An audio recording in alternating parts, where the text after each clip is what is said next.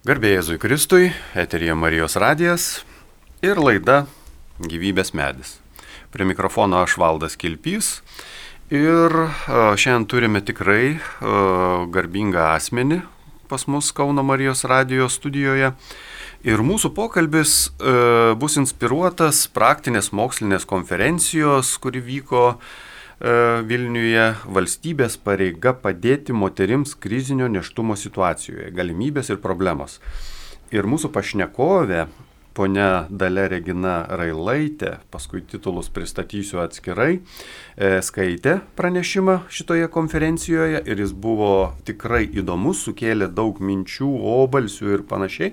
Ir mes, e, sakykime, tas pranešimas taps tarsi kokią inspiraciją mūsų pokalbiui.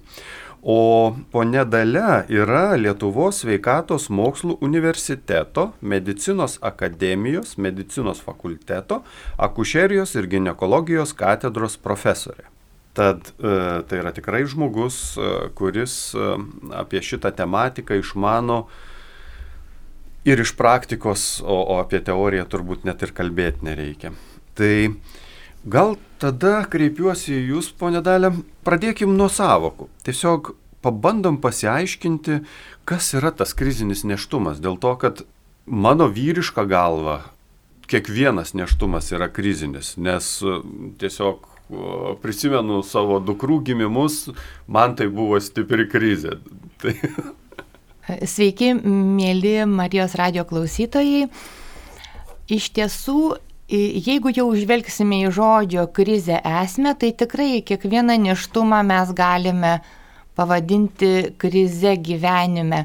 Nors mes esam linkę galvoti, kad krizė tai yra kažkas, kas mus išveda blogąją linkme, tačiau pagal pačią žodžio esmę tai yra, tai yra stiprus pokytis.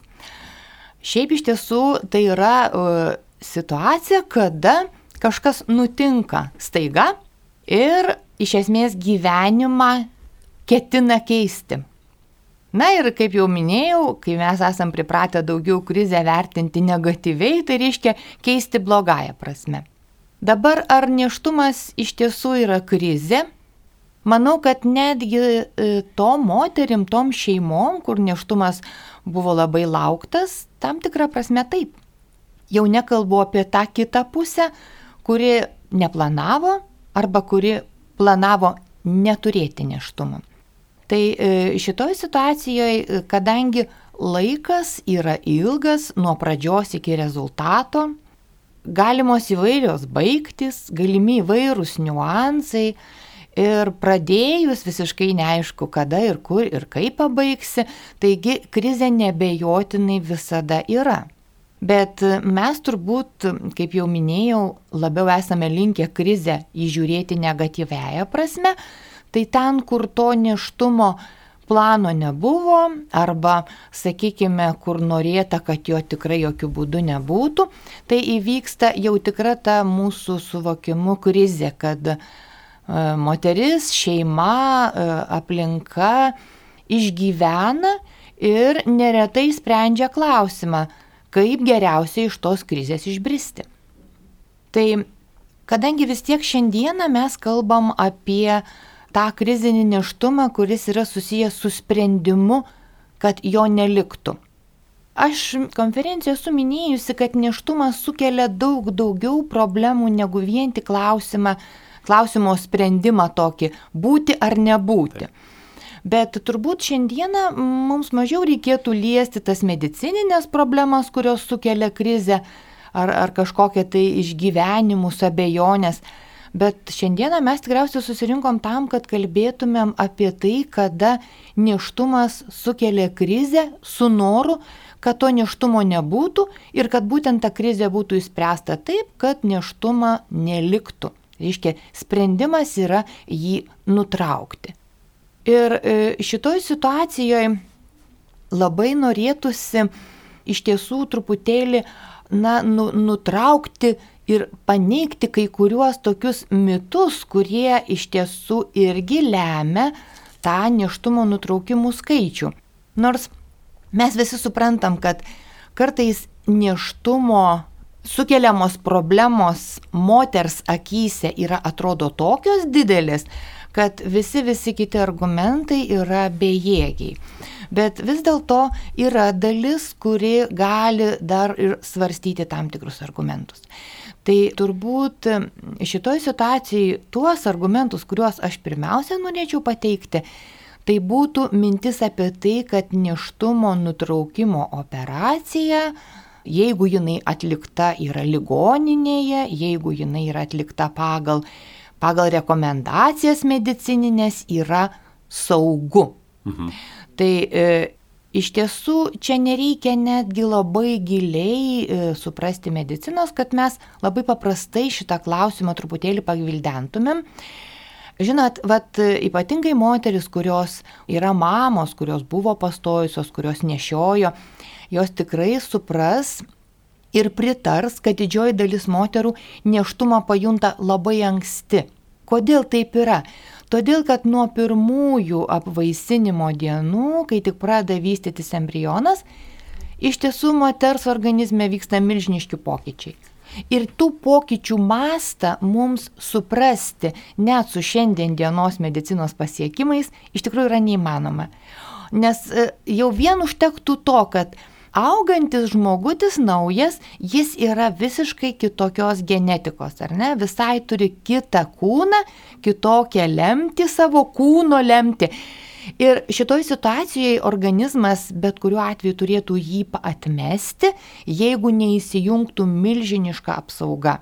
Taigi ta milžiniška apsauga, tas organizmo pasiruošimas gimdymui, Tai yra didžiuliai, didžiuliai pokyčiai. Ir dabar jūs įsivaizduokite, tie pokyčiai visi yra nukreipti tam, kad neštumą išsaugoti. Aišku, nutinka visko, nutinka, kad neštumas nutrūksta savaime, bet čia organizmas susitvarko pats ir mes turbūt šitų atvejų taip pat neliesim. Bet mes imame tą situaciją, kada neštumas yra linkęs pasibaigti gimdymu. Nors ne visada žinome tai, bet tarkim. Ir organizmas deda visas pastangas, kad tą neštumą išsaugotų. Ir šitoj situacijoje mes įsikiždami ir nutraukdami neštumą, jį be galo organizmą stipriai išbalansuojam. Dabar jūs galėtumėt man pasakyti, bet šitiek moterų neštumus nutraukia ir net ne po vieną kartą, va ir jos gyvos ir nemiršta ir nieko nenutinka. Taip, taip, bet kai mes žinome, kad yra genetika, sakykim taip, nedaug kas žino, kad yra ir epigenetika. Reiškia, yra genetika, su kuo mes ateinam į šitą žemę, su tam tikrų polinkiu sirgti vienom arba kitom lygom. Ir yra epigenetika, tai yra tai, kas tą mūsų genetiką paleidžia arba nepaleidžia. Ir epigenetika gali tapti daugybė veiksnių. Tame tarpe ir organizmo stresas patyrus neštumo nutraukimą. Žodžiu, iš esmės galbūt šimtui ar tūkstančiui moterų tai nereikš nieko, vienai tai gali reikšti ateityje labai rimtas lygas, nors įrodyti tai mediciniškai bus be galo sunku. Ir todėl yra labai daug manipulacijų, kad neštumo nutraukimas yra saugus, jeigu jis atliekamas pagal rekomendacijas. Tai yra netiesa. Aš jau nekalbu apie visą tą moralinį aspektą, kuris apskritai, kada gali moterį užklupti kalties, skausmo jausmas ir kas gali paleisti šitą, yra visiškai neprognozuojama. Tai gali būti bet kurios gyvenimo momentu. Ir jeigu, sakykime, dalis moterų nutraukia neštumą visai nesvarstydamos apie moralinę pusę, negalvodamos netgi, kad tai yra gyvybė, kad jos nutraukia gyvybę, tai praėjus metams penkiems, dešimčiai, dvidešimčiai jos gali pakeisti savo požiūrį ir labai labai skaudžiai kentėti dėl to, kas įvyko. Ypatingai šitą kančią paskatina įvairiausios nelaimės šeimoje, lygos, žūtis, vaikų lygos. Ir tikrai turiu tą patirtį, kada moteris pradeda kaltinti save, sakykime, na, susirgusios onkologinė lyga, sako, galbūt tai yra dėl to, kad aš padariau abortą. Mhm. Žinoma, tai yra, tai yra neremtinas, jokių būdų neremtinas dalykas, e, nes mes žinom, kad yra Dievo gailestingumas ir Dievas nebaudžia lygomis už abortus, bet, bet žmogus save gali nubausti kartais labai sunkiai. Mhm. Aš tai, kai jūs pradėjot kalbėti apie va, būtent abortus, labai Pagalvojau apie e, natūralumą ir, ir, ir gal net ir klausimą tokį vieną buvau sugalvojęs, e, bet jūs labai tiksliai atsakėt. Tarsi mediciniškai teisingai uh, atliktas abortas yra toks natūralus dalykas, o iš tikrųjų viskas yra priešingai. Natūralu yra gimdyti, nu tiesiog, ar ne? Bet jo, čia ačiū, ačiū tikrai privertėt susimastyti, bet aš noriu jūsų paklausti, Kaip bendrai jūs e, regit situaciją Lietuvoje va šitoje srityje? Ar yra kokie nors oficialūs skaičiai, kalbėkim apie tos krizinius neštumus, apie, apie abortus? Kaip bendra situacija su pagalba moterims, ar ne? E, žinot, na, Prisipažinsiu, aš tikrai nesu tas žmogus, kuris yra giliai išstudijavęs šitą vietą, šitą sritį. Aš tik tai, na, retsikiais žvilgteliu ir į tą abortų statistiką, sakykime, kas vyksta mhm. Lietuvoje. Galbūt reikėtų žmonėms dar vieną tokį perspėjimą pasakyti, kad yra labai daug miglos žodėje abortas. Mediciniškai abortas tai yra bet koks neštumo nutrūkimas iki 22 neštumo savaitės. Mhm. Tai jisai apima ir savaiminius persileidimus, ir negimdinius neštumus. Tuo tarpu neštumo nutraukimas savo norų taip pat patenka į šitą, į šitą savoką. Ir tai yra blogai todėl, kad kartai žmonės maišo, ypatingai vat, kada išgirsta, kad yra medikų, kurie nenori teikti pagalbos atlikdami abortą, žmonės piktinasi, kaip maždaug galima, kaip medikas gali atsisakyti padėti, jeigu įvyko neštumo komplikacijos. Čia mes ne apie tai. Mes dabar kalbame apie tą abortą, kurį moteris atlieka savo noru. Taip, savo noru apsisprendžia, kad neštumo nenešios. Tai, žinot, aš manau, kad abortų skaičius Lietuvoje iš tiesų yra ženkliai mažėjantis. Ir kadangi dirbu daug metų, tai net nelyginsiu su tuo, kas buvo sovietmečiu. Bet dabar abortų skaičius yra ženkliai mažėjantis. Kokia priežastis yra to? Sunku pasakyti. Aš pirmiausia tai pasakyčiau tai, kad apskritai populacijos pasaulio, Europos įsivyščiusių šalių vaisingumas yra labai sumažėjęs. Šitą mes žinom labai aiškiai. Ypatingai ir vyrų vaisingumas yra labai sumažėjęs. Taigi viena iš tų priežasčių, e, dėl ko yra mažiau abortų, tai yra dėl to, kad yra tiesiog mažiau neštumų. Mhm. Ir čia mes, aišku, galėtumėm dar gildenti daugiau ja. tų priežasčių, kodėl yra mažiau neštumų. Tai yra ir, ir žmonių bendravimo niuansai, visokie kitokie dalykai.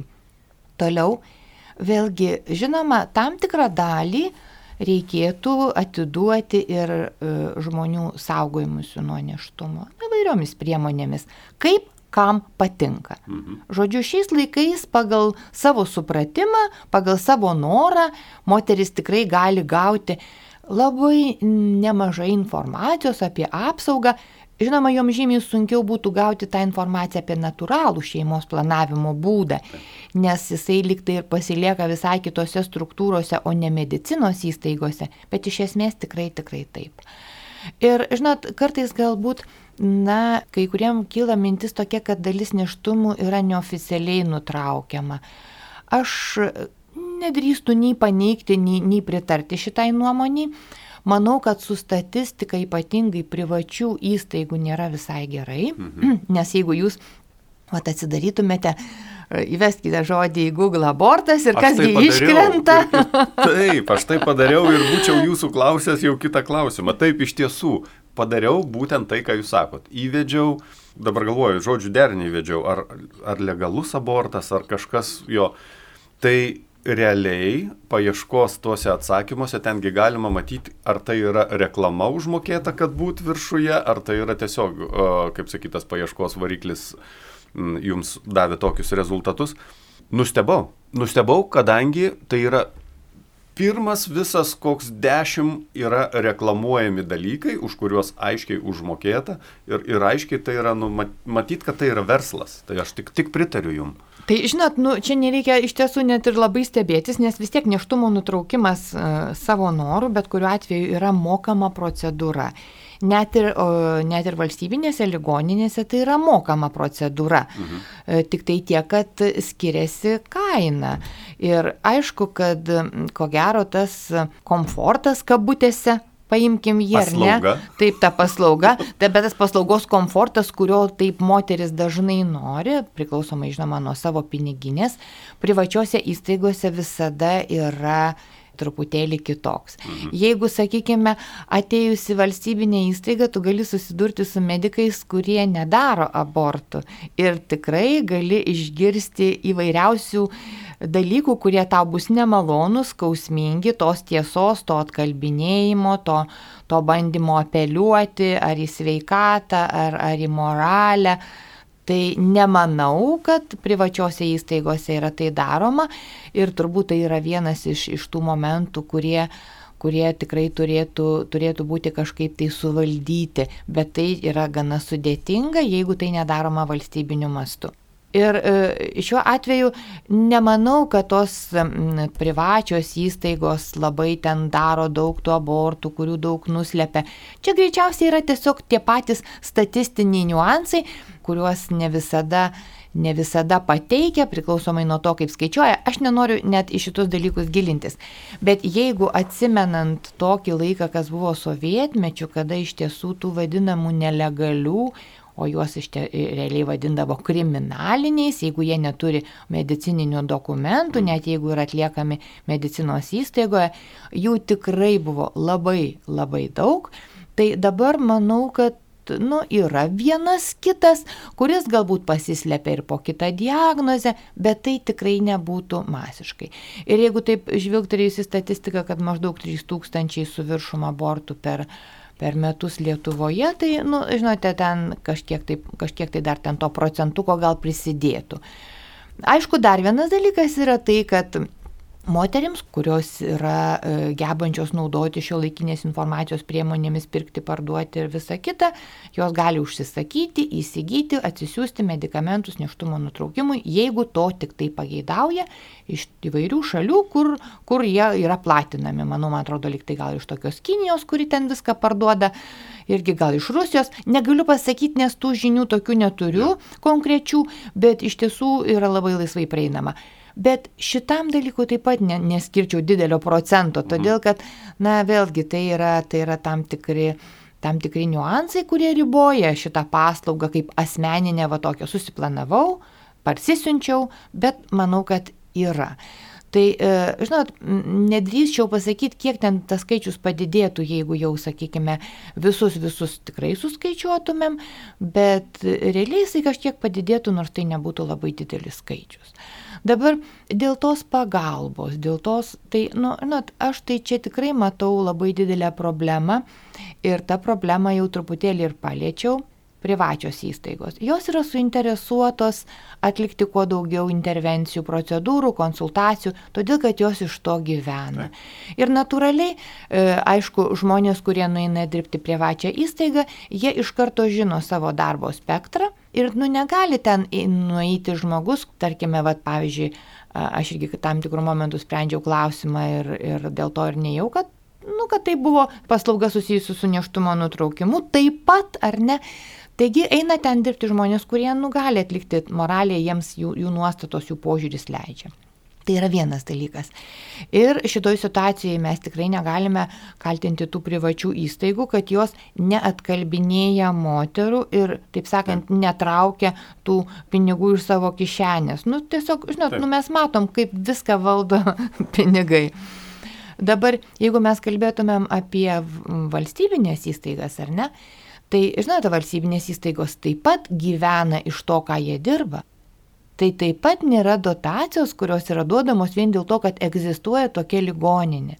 Ir mes turim tą situaciją ir visi medikai tą puikiai žino, kad valstybinės įstaigos jos netgi šiek tiek ir konkuruoja ir kovoja dėl pacientų, todėl kad jos taip pat gyvena iš to, kiek jie uh, uždirba ir galbūt neštumo nutraukimai tai nėra ta vieta, kur labai nori uždirbti valstybinės įstaigos, bet bet kuriuo atveju tai taip pat yra, e, na, kaip ir kliūtis, sakykime, ar net kalbinėti moterį. Yra labai daug tokios biurokratijos. Žodžiu, ką noriu pasakyti. Reiškia, visas tas paaiškinimas, visa ta pagalba turi tekti moteriai iki patenkant į gydymo įstaigą, netgi iki pasirenkant gydymo įstaigą. Kaip tą padaryti yra tikrai labai sudėtingas klausimas, didžiulis iššūkis. Nes jeigu kalbėtumėm apie tai, kad Vat apie tas priežastis, kas dėl ko moteris nutraukė neštumą, ar ne, kaip sako, čia moters pasirinkimo teisė. Tai, žinot, aš tai labai sutinku su vienu autoriumi, man labai patiko, jo mintis, kad tai yra būtent tai, kad jinai neturi kito pasirinkimo. Dažniausiai tai yra tai, kad jinai neturi. Jai taip atrodo, žinoma, nes pasirinkimas ja. visada yra, ar ne? Bet jai taip atrodo, jinai yra arba labai labai nesaugi, vieniša, neturi paramos. Arba ne vieniša, bet jos visa aplinka yra prieš ją dėl įvairių priežasčių. Sakykime, taip šeimoje galbūt yra dar viena burna, kuri neįplanuota ar ne į šeimos biudžetą. Galbūt žmonės iš tikrųjų labai sunkiai gyvena. Galbūt moteris turi planų, tie planai yra labai ambicingi, susiję su karjera, galbūt su, su jos įsidarbinimu, su jos netgi atlygiu, įvairiausiais dalykais, su jos mokslais. Ir neštumas, kuris atima iš jos tą laiką e, nešiojimo ir e, vėliau auginimo, iš tiesų atrodo, nu kaip tikrų tikriausia krizė krizė. Ir jinai tiesiog neturi kito pasirinkimo, neturi tos atsvaros, kuri pasakytų, aš būsiu su tavim, mes viską kartu išspręsim, mes pajėgsim, mes galėsim. Galų gale netgi ir ta mintis tokia, kad neštumas dabar yra, bet mes nežinom, kaip bus vėliau, ar ne. Gali jisai natūraliai iš tiesų įvykti tai, ką moteris galbūt padarytų savo norų apsunkindama savo sąžinę. Nu, aš gingdėvę nelinkiu galvoti taip, kad, žinot, nešiokite neštumą, gal persileisite. Tai tikrai ne.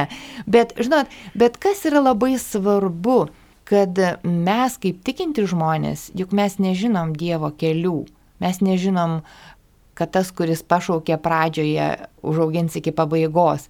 Bet iš esmės tai, kad priimtas sprendimas su parama, su pagalba, palaikymas, tai galų gale pačios moters atsidavimas, kad, na vis tik tai Dieve, aš atiduodu tau šitą situaciją ir tu, tu padarysi. Ir žinot, aš jums pasakysiu, kaip man labai patiko viena tokia e, moteris yra parašiusi laišką tiesa apie abortą, kurio niekas tau nepasakys.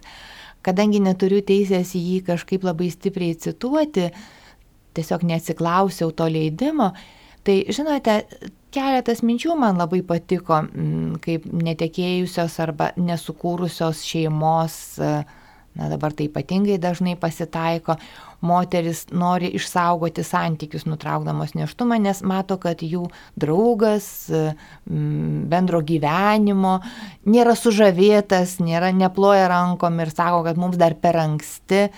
Tai jinai sako, kad santykiai, kuriuos jūs norėjote išsaugoti nutraukdama neštumą, tikrai nutruks. Sugrius taip. Sugrius. Ir, ir iš tiesų e, lygiai taip pat kaip ir tėvų, tarkime, ar ne kažkoks, ar ten artimųjų spaudimas, kad tu turi daryti šitaip ar šitaip, palieka begalinį didelį kartėlį, įkeli tiesiog kaip pleištą įkalą į ir skausmas, kaltinimas, vėliau kaltinimas dėl įvairiausių dalykų, taip kad tie artimieji, kurie, kurie kartais galbūt suabejoja džiaugtis to neštumo ar nesidžiaugti, tai aš labai noriu paraginti, tik džiaukitės, remkite, nes nereikėtų užsikrauti savo tokios naštos. Lygiai taip pat apie tuos planus, žinot, ten mokslų darbų. Kartais nutinka taip, esu girdėjus ne vieną liūdėjimą iš moterų, kurios kaip aš sakau, plovė ašarom kelius, norėdamos atsikratyti neštumu, nu bet vis dėlto pasigailėjo. Kaip paskui gražiai susiklostydavo tas ir jų karjeros klausimas, kaip viskas. Ir žinot, nu, aš turiu aplink pavyzdžių, kad tikrai netrukdo karjerai motinystė, netrukdo. Kartais gazdina tiesa, gazdina, ar ne, busimoji motinystė, tokia, toks yra grasinimas, lyg kad tu negalėsi. Bet iš tikrųjų, netgi jeigu ir neįvyksta tie karjeros šuoliai, tai klausimas, ar jie būtų įvykę. Realiai, jeigu to neštumo nebūtų. Jų gyvenimas toks pilnas visokių netikėtumų. Aš visiškai sutinku ir net ir pasidalinsiu čia ir su visais. Drąsiai galiu prisipažinti visiems klausytojams ir jums, kad e, jeigu ne dvi mano dukros, šitiek visokių darbų šitame pasaulyje kaip Dievą myliu nebūčiau nuveikęs. Dėl to, kad tas, ta nauja gyvybė jinai realiai priverčia tave susikoncentruoti, duoda beprotiškai daug atsakomybės ir tu supranti, kad tu tiesiog nieko neveikti, tinginiauti ar panašiai, sakykime, tu negali, tiesiog, tiesiog negali. Tai čia taip, tas toks tarsi stovi prie bedugnės krašto, bet, bet visada viskas prasideda nuo pirmo žingsnio. Žengi pirmą žingsnį, nusprendė ir viskas yra tada tvarkoj. E, primenu gerbėmiems klausytojams, kad e, kalbamės su Lietuvos sveikatos mokslų universiteto, medicinos akademijos medicinos fakulteto, akušerijos ir gynekologijos katedros profesorė Dalė Regina Railaitė. Prie mikrofono aš valdas Kilpys.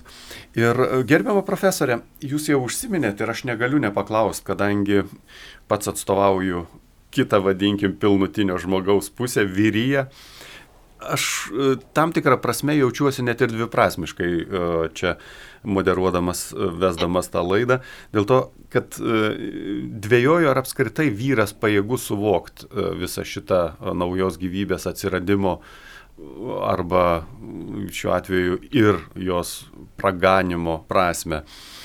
Ir kaip jūs savo darbe, savo veikloje, kaip susidarėt su būtent su vyrijos reakcijomis, uh, Ir ar nėra taip, jau čia darau tokį tarsi hipotezę, kad krizinių laikotarpių moteris tą neigiamą sprendimą padaro dažniausiai dėl to, kad neturi aiškios paramos, būtent iš vyriškosios pusės, ar kaip čia pasakyti. Žinot, na, galbūt šiai dienai savo tiesioginėme darbe aš netiek daug susiduriu su konkrečiais žmonėmis buvo laikas, mhm. kai teko e, nemažai ir bendrauti ir su vyrais, ir su mamom. Na, aš dėkoju Dievui, kad mes turime teisę apsispręsti gydytojai e, nedaryti neštumo nutraukimų ir todėl, kada tu esi apsisprendęs, ir mūsų gydymo įstaiga taip pat yra viena iš tų, kurioje na, neštumo nutraukimai atliekami tik tai, sakykime, daugiau pagal tas medicininės vadinamas indikacijas. Tai šiaip tą, tą galiu pasakyti tik iš savo ankstesnės praeities, nors nemanau, kad kas nors keičiasi. Mhm. Tai, e, žinot, galbūt ir, ir mano tas ta nuomonė yra tokia paveikta ir svarstymų ir, ir daugybės apmąstymų ir skaitimo, kaip visa tai yra. Bet žinot, su vyrais, na, aš tikrai esu mačiusi ir sutikusi labai giliai trokštančių vaikų vyrų. Esu sutikusi vyrų, kurie stojo, tikrai to žodžio prasme, ant operacinės durų, kada moteris norėjo neštumą nutraukti kas ganėtinai keista, ar ne? Esu mm, tikrai susidūrusi su situacija, kada, nu čia gal tokia skausmingesnė, kada, kada moteris sirko labai labai sunkia lyga ir matėsi, kad jos jau dienos suskaičiuotos, kada vyras maldavo išsaugoti neštumą kaip tik įmanoma, jeigu yra bent vienas procentas, kad tas gimęs vaikelis galėtų gyventi ir, ir Dievui padedant jisai gyvena. Žinote, tai yra labai priklauso, labai priklauso nuo daugelio dedamųjų. Bet, bet aš turbūt net nesakyčiau, kad čia dabar vat, labai reikėtų vyrus kaltinti, kad jie ten nepadeda, neparemia. Nu, jie taip pat susiduria su krize. Žinot, aš pati turiu šunį. tai dabar Net kai šunų šeimininkai susitinka, tai su tokiu džiaugsmu pastebėjau, kad tikrai daug žmonių dabar ima iš prieglaudos gyvūnėlius ir labai sutinku daug jaunų žmonių, skirtingai nuo to, kas buvo prieš 10-15 metų, su šuniukais. Ir mes juokiamės, sakau, dabar pora e, gyvena kartu ir vyras nenori vaikų, jisai nuperka savo draugį šuniuką. Na, aišku, tai irgi yra gerai, bet tam tikra tendencija yra tokia, kad žmonės nu, vengia įsipareigoti. Tas tiesa. Vengia įsipareigoti. O reikia suprasti, kad vis tiek e, pasiryžimas auginti vaikus, tai pasiryžimas įsipareigoti, suvokti, kad to tu galbūt negalėsi, galbūt čia tu turėsi sumažinti savo apetitą. Ir šitoj situacijoje jūs neįsižeiskite, bet e, bent jau aš pastebiu ir mes jau tai pasišnekam kartais, kad, kad vyrai vis kuo, kuo toliau, tuo vėliau subręsta. Tas jeigu, sutinku. Jeigu, sakykime, turbūt tai yra priklauso ir nuo, nuo tos šeimos visų dalykų, kad anksčiau, jau anksčiau, tarkim, jie anksčiau turėdavo pradėti dalyvauti šeimos gyvenime, o dabar 30 mečiai dar yra tokie berniukai. Ir jie džiaugiasi tuo, kas keišiausia. Reiškia, tuo savo nebrandumu žmonės kažkur liktai ir didžiuojasi. Kaip tas amžinas noras būti jaunam, tai toks keistas noras. Tai, žinot, visiškai suprantama, tai yra visai suprantama.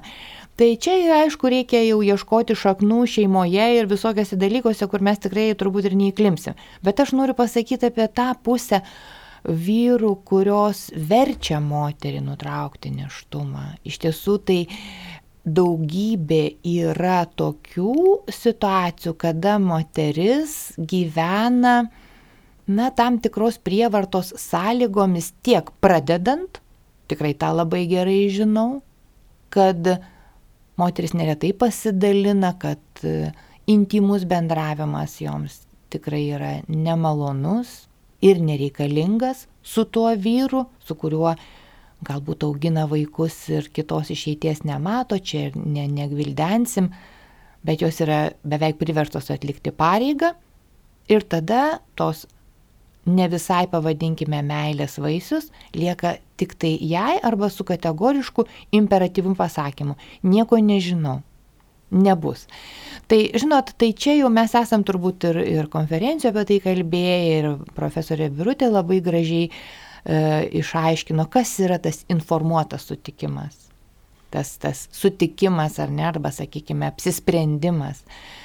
Tai šitoj situacijoje mes niekaip, niekaip neįspręsim to klausimo, jeigu mes nesigręšim į vertybės, į esminius dalykus, ar ne, į esminius dalykus, į tai, kad, kad pagarba visų pirma yra tam kūnui, prasideda nuo to, kad tu nenaudoji jo savo reikmėms, patenkinti vien tik tai.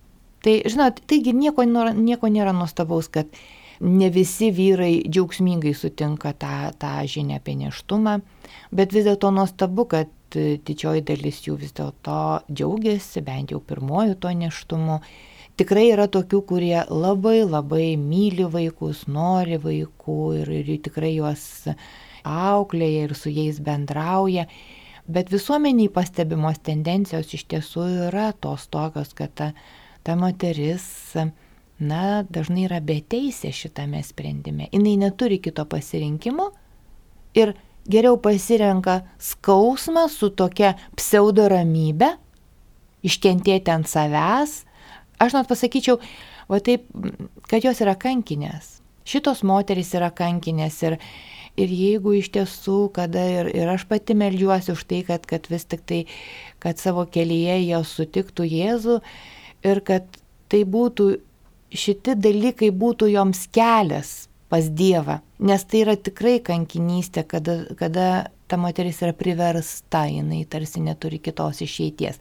Aišku, kaip jau mes minėjom, išeitis visada yra, bet man yra tekę susidurti su tokiam situacijom, čia turbūt jau nuo vyro prie tėvų, prie nepilnamečio einam, kada yra tekę kalbėti ir su mama ir, ir netgi pasakyti, gerai, jeigu jau jūs ją išvarot iš namų, mes iškosim, kur jai gyventi, nes mergaitė nori neštumo. Žinote, nu, moteris taip sutverta, kad jinai negali nenorėti neštumo, jeigu jinai iš tikrųjų nėra užspesta į kampą ir nėra jai įdėta į galvą, kad jinai turi būti tokia arba tokia. Tas yra labai keista, kad kažkaip su moters teisėm tai yra susiję. Nors, žinote, vat, labai e, tokio mažo komentaro apie tą, tą teisę į savo kūną tikrai reikėtų. Na, kada aš girdžiu, kai, kai sako, tai yra, tai yra apsisprendimo teisė yra susijusi su kūno autonomija. Tai mano kūnas reiškia, ką aš noriu, tai su juo darau.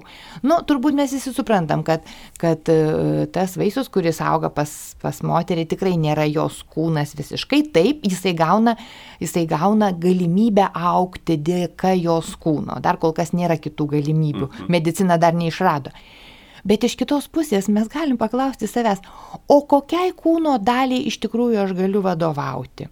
Nu va taip, va ta prasme, kad jeigu aš tokia autonomiška, taip va galiu e, nuspręsti viską apie, savo, apie tai, kas vyksta savo kūne.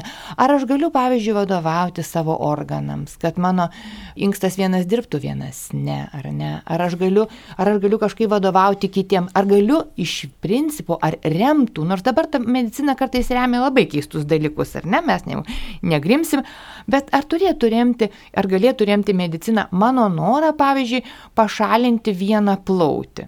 Nu, visada klausimas jau būtų psichikos e, sutrikimo, ar ne?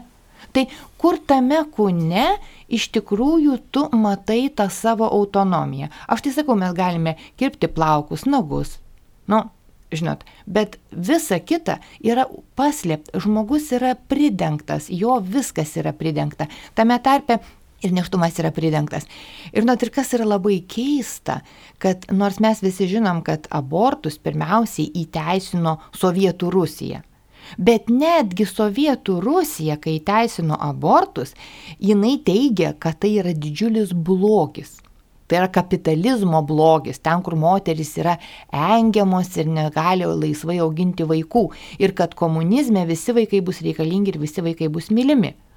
Ir kada pradėjo, kada atsirado tavo kova už moters teisės, jin kažkaip labai keistai pakrypo ir į tai, kad moteris turi turėtų turėti teisę nutraukti neštumą. Viskas tvarkoj su moters teisė, su jos lygiai teisiškumu, su jos dalyvavimu, viskas tvarkoj.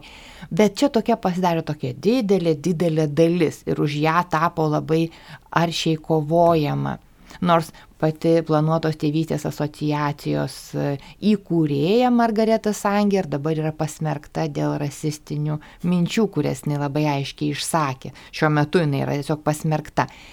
Tai, žinote, reikėtų labai sudėlioti visus taškus ant į. Visų pirma, suvokti, kad neštumo nutraukimas moters ir kūnui, ir psichikai, ir sielai, ir dvasiai yra be galo žalingas. Tai yra faktas, kad iš tikrųjų jokios teisės, logiškai žiūrint, savo kūnų disponuoti realiai žmogus neturi. Taip jisai gali nusikirsti savo ranką arba koją, bet kodėl jis turėtų tą daryti? Tai lygiai taip pat ir čia. Kodėl tu, vad kaip jūs labai teisingai sakėte, kodėl tu pirmiausiai kalbė apie teisę panaikinti, paneigti, nutraukti, o ne apie teisę gyvybę auginti, paleisti ir žiūrėti, kaip viskas tas įvyks. Kodėl ta teisė yra didesnė. Ir vėlgi, žinot, kada tu susiduri su tais abortais, kurie neįvyko, Ar ne? Tarkim, ir kai tu matai tuos augančius žmonės, ir mes turėjom labai gražią liūdimą šitoj konferencijai nuostabios jaunos moters, kurios gyvybę mama išgelbėjo, jinai nuostabi, jinai nuostabi. Ir suprantat, ir tada tu suvoki, kaip tas Justinas Marcinkievičius rašė, aišku, apie karą, o kiek Einšteinų ir Galilėjų 16, 16 mečiais žemėje miega. Tai mes tą patį galim pasakyti, mes nežinom, kiek tautos genijų mes netekom, nes nei socialinis statusas, nei išsilavinimas nesako, kas bus tas vaikas. Mes istorijoje žinom, kokie genijai gimė iš kokių tėvų, iš kokių Taip. šeimų, ar ne, iš kokių sunkių situacijų. Tikrai ne dešimt burelių nuo pat kūdikystės juos padaro genijais, ar ne? Tai šitoje situacijoje aš tik tai vieną dalyką matau, va tai, ką jau sakiau, kad tai gali, tikinčiam žmogui, tai gali tapti kelias pas Dievą. Ir iš tiesų Dievas, kuris e, kartais labai tos, tos mūsų kelius įdomiai pakreipia, išnaudoja kiekvieną galimybę žmogų patraukti link savęs. Ir pati didžiausią žmogaus skausmą gali išnaudoti. Ir jo gilę nuodėmę gali išnaudoti. Tai vad šitoj situacijai iš tiesų yra labai didelė viltis toms moteriams, kurios gyvenime yra tai padariusios, kad realiai Dievas gailestingas galbūt tokiu būdu bandė jas patraukti link savęs. Bet krizinio neštumo klausimo sprendimas yra be galo sudėtingas, nes apima labai labai daug struktūrų. Ką jaučiu e, mūsų pokalbėje, o kuris jau iš tiesų visai link pabaigos, gal jau net ir pačioje pabaigoje, e, jaučiu, kad daug temų e, mes dar net ir neaptarėm bet laikas yra laikas. Ir aš tikrai nuoširdžiai jums dėkoju, privertėt, manau, susimastyti ne tik mane, bet ir visus gerbiamuosius Marijos radio klausytojus. Ir išreiškiu vilti, kad galbūt dar susitiksim ir pakalbėsim. Ypatingai, kas įdomu, kad jūs kalb, būtent kai sakėte, kad egzistuoja tam tikras gydytojų net ir atkalbinėjimas ar ne, tai dėrėtų kažkokią sistemą sukurti, kad ta moteris atsidūrusi tokioje situacijoje nebūtų tokia viena, tarsi nendrė vėjyje. Bet čia jau kito pokalbio tema. Tikrai nuoširdžiai Jums dėkoju, gerbiama profesorė. Klausytojams primenu, kad kalbėjome su Lietuvos sveikatos mokslų universiteto, Medicinos akademijos, medicinos fakulteto, akušerijos ir gynekologijos katedros profesorė Dale Regina Railaitė. Laidą vedžiau aš, Valdas Kilpys. Su Dievu, likime sveiki. Su Dievu.